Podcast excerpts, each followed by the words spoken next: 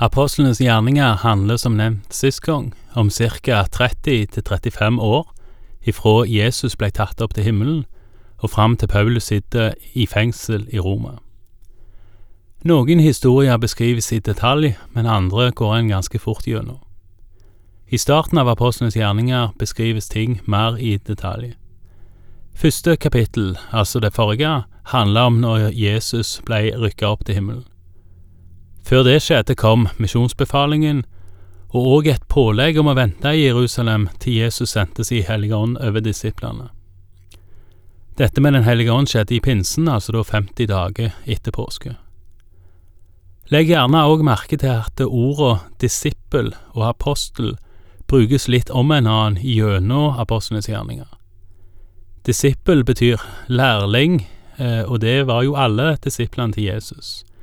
De blei ikke egne herrer, men skulle følge Jesu ord og befaling. Så var de disipler òg etter de blei sendt ut. Men da blei de apostler i tillegg.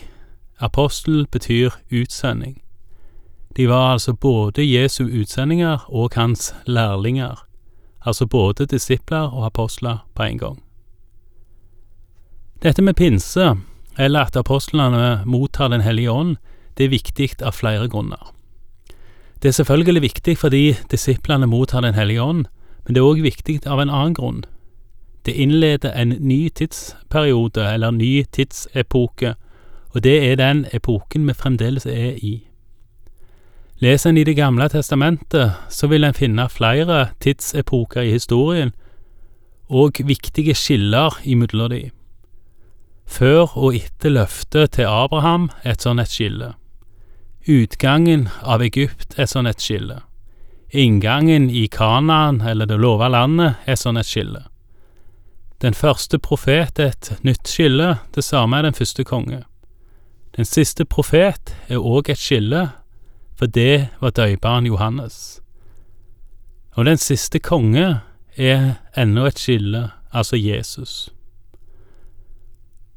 Og så har han da Jesu død som et tidsskille, likeså Jesu oppstandelse tre dager etterpå. Og så kommer Kristi himmelfart, eller Jesu himmelfart, 40 dager etter det, og ti dager etter det igjen så kommer altså pinse. Etter dette er det ikke flere sånne skiller før Jesus kommer igjen, og det gjør, i alle fall etter mitt syn, pinse ekstra viktig, for den innleder den tidsepoke som vi har nå. Det er i alle fall én måte å se det på. Vi leser Apostlenes gjerninger, kapittel to, vers én. Da pinsedagen kom, var alle samlet på ett sted. Plutselig lød det fra himmelen som når en kraftig vind blåser, og lyden fylte hele huset hvor de satt. Tunger som av ild viste seg for dem, delte seg og satte seg på hver enkelt av dem. Da ble de alle fylt av Den hellige ånd, og de begynte å tale på andre språk ettersom Ånden ga dem å forkynne. I Jerusalem bodde det fromme jøder fra alle folkeslag under himmelen. En stor folkemengde stimlet sammen da de hørte denne lyden, og det ble stor forvirring, for hver enkelt hørte sitt eget morsmål bli talt. Forskrekket og forundret spurte de, Er det ikke galileere, alle disse som taler. Hvordan kan da hver enkelt av oss høre sitt eget morsmål? Vi er partere og medere og elamitter, folk som bor i Mesopotamia, Judea og Kappadokia, i Pontos og Asia, Frygia og Pamfylia, i Egypt og i Libya-området mot Kyrene, og innflyttere fra Roma, jøder og proselytter, kretere og arabere, og vi hører dem tale om Guds storverk på våre egne tungemål. De visste ikke hva de skulle tro, og forvirret spurte de hverandre, Hva er dette for noe? Men eh, noen gjorde narr av dem og sa, De har drukket seg fulle på søt vin. Det som beskrives her, kan være vanskelig å forklare, og det blir for min del en av de mange historiene i Bibelen som må forstås i tro. Det jeg mener, er at enten så tror en at det der skjer noe overnaturlig her, altså at disiplene får noe fra himmelen, eller så tror en det ikke. Det som kanskje kan være noe å legge merke til, er at Lukas, altså forfatteren av, av apostlenes gjerninger, faktisk sjøl trekker fram noen som tvilte, eller gjorde narr av det som skjedde. Tidvis så kan en som kristen oppleve at ikke-kristne opplever forkynnelsen som enten fordummende eller lite nyansert eller ukritisk. Og det kan selvfølgelig forkynnelse være. Men da kan det være fint å legge merke til at det selv i Bibelen så kommer det fram at noen tvilte, og det kommer fram at noen allerede da gjorde narr av det som skjedde. Hvorfor tar Lukas dette med? Det vet vi jo ikke, men jeg tenker det kanskje var fordi Lukas sjøl var så trygg på det han skrev, at han hadde ikke noe problemer med å ta med at ikke alle andre var like overbevist. Det kan kanskje vi som lever i dag òg ta med oss. Det er ikke alltid skråsikkerhet er best. Kanskje heller aldri. Ikke at en ikke skal tørre å stå for noe som helst, det blir jo òg noe feil, men kanskje kan en få til litt begge deler, sånn som Lukas. Han mente helt klart hva han trodde på, så sikkert at han kunne beskrive andres tvil eller at andre gjorde narr av noe uten at det rokka ved hans tro. Helt klart noe å lære her. Ellers så er det vel vanlig å tru en behersker en mengde språk når en er full. Det må vel regnes som relativt vanlig å spontant lære seg andre språk fordi en har drukket, og det kan jo være viktig å få med seg her, at det var ikke disiplene som plutselig mente de beherska en mengde med fremmedspråk. Det var de som hadde fremmedspråket som morsmål. Men, som tidligere antyda, vi har jo ikke mange andre vitner til det som skjedde, enn det som er skrevet ned av Lukas og de andre første kristne.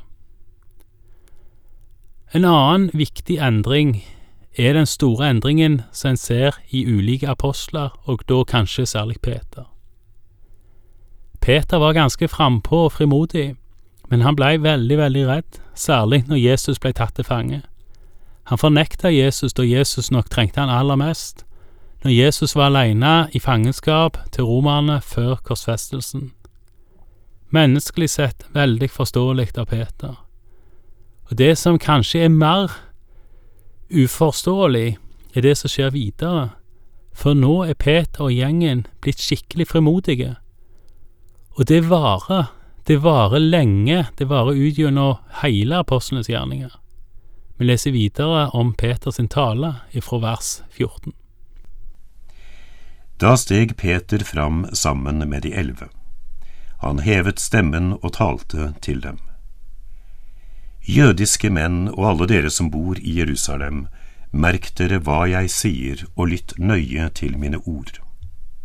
Disse menneskene er ikke fulle slik dere tror, det er jo bare den tredje time på dagen. Men her skjer det som er sagt gjennom profeten Joel. I de siste dager skal det skje, sier Gud, at jeg øser ut min ånd over alle mennesker. Deres sønner og døtre skal profetere, de unge skal se syn, og de gamle skal drømme drømmer. Det er vel kanskje få ting som lager så mye bråk, så tolkninger over hva som skal innlede de siste tider, og altså da når Jesus skal komme igjen. Mange har allerede med ganske stor personlig sikkerhet, og ikke minst innsats, satsa kategorisk på ulike årstall og datoer uten at de har fått rett. På den andre sida så er det jo òg skummelt å sette seg til å ete og drikke som om som det vel står om en plass, fordi at en tenker at Jesus aldri kommer tilbake igjen. Sjøl sier jo Jesus at hans tilbakekomst ikke skal være så veldig annonsert, men at han skal komme som en tyv om natten. Men som vi snart skal lese, og som det òg siteres i Lukas 21 vers 25, så skrives det andre steder om tegn i sol og måne.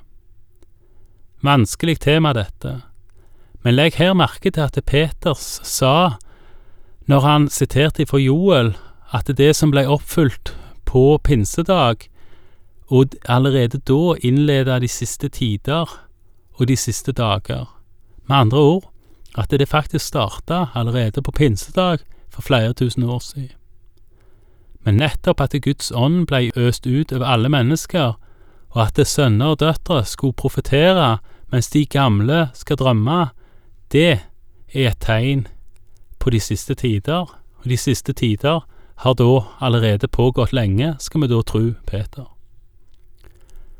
Og det må vel da, så langt jeg kan forstå, fremdeles gjelde, og det vil gjelde til Jesus kommer igjen. Det som Peter her siterer, står forresten i Joel kapittel tre. Joel regnes for å være en av de mindre profetene, og da kun ut ifra at boka er kort. Den har bare tre kapittel, og kan med fordel leses i sin helhet for å få hele sammenhengen Peter her spiller på. Vi leser videre ifra Peters tale, og vi har nå kommet til vers 18. Selv over mine slaver og slavekvinner vil jeg i de dager øse ut min ånd, og de skal tale profetisk. Jeg setter varsler oppe på himmelen og tegn nede på jorden, blod og ild og røykskyer. Solen skal forvandles til mørke og månen til blod, før Herrens dag kommer, den store og strålende. Men hver den som påkaller Herrens navn, skal bli frelst. Peter reiser seg på pinsedag og forteller eller forkynner det som har skjedd foran alles øyne den dagen, er at Herrens ånd, eller Den hellige ånd, ble øst ut over alt folket. Det var det som skjedde. Og det innleda de siste tider, tider som skal kjennetegnes med at alle som påkaller Herrens navn, eller Jesu navn, skal bli frelst.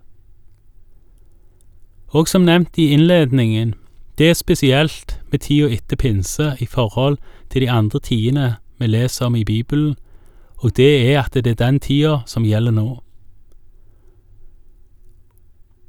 Og det gjelder nå òg for oss, at Den hellige ånd fremdeles øses ut over alt folket. Og det er uenighet om når eller i hva situasjon en får Den hellige ånd, om det er den ene eller andre form for dåp eller om man kan få det utenfor dåpen òg. Sånne teologiske uenigheter skal vi ikke ta lett på, men de kan òg få for store plass. For det en kan være enige om, er at tida etter pinse, altså nåtida, er spesiell med henblikk på nettopp Den hellige ånd, siden den øses ut på en helt annen måte enn før pinse. Og det gjøres nå med folk, både unge og gamle, slave og fri, jøde eller greker, som Paulus kommer til å formulere det seinere. Og med Peters løfte om at hver den, altså alle, som påkaller Herrens navn skal bli frelst, ifra Apostlenes gjerninger kapittel 2 vers 21, så sier vi takk for i dag, og Herren være med deg.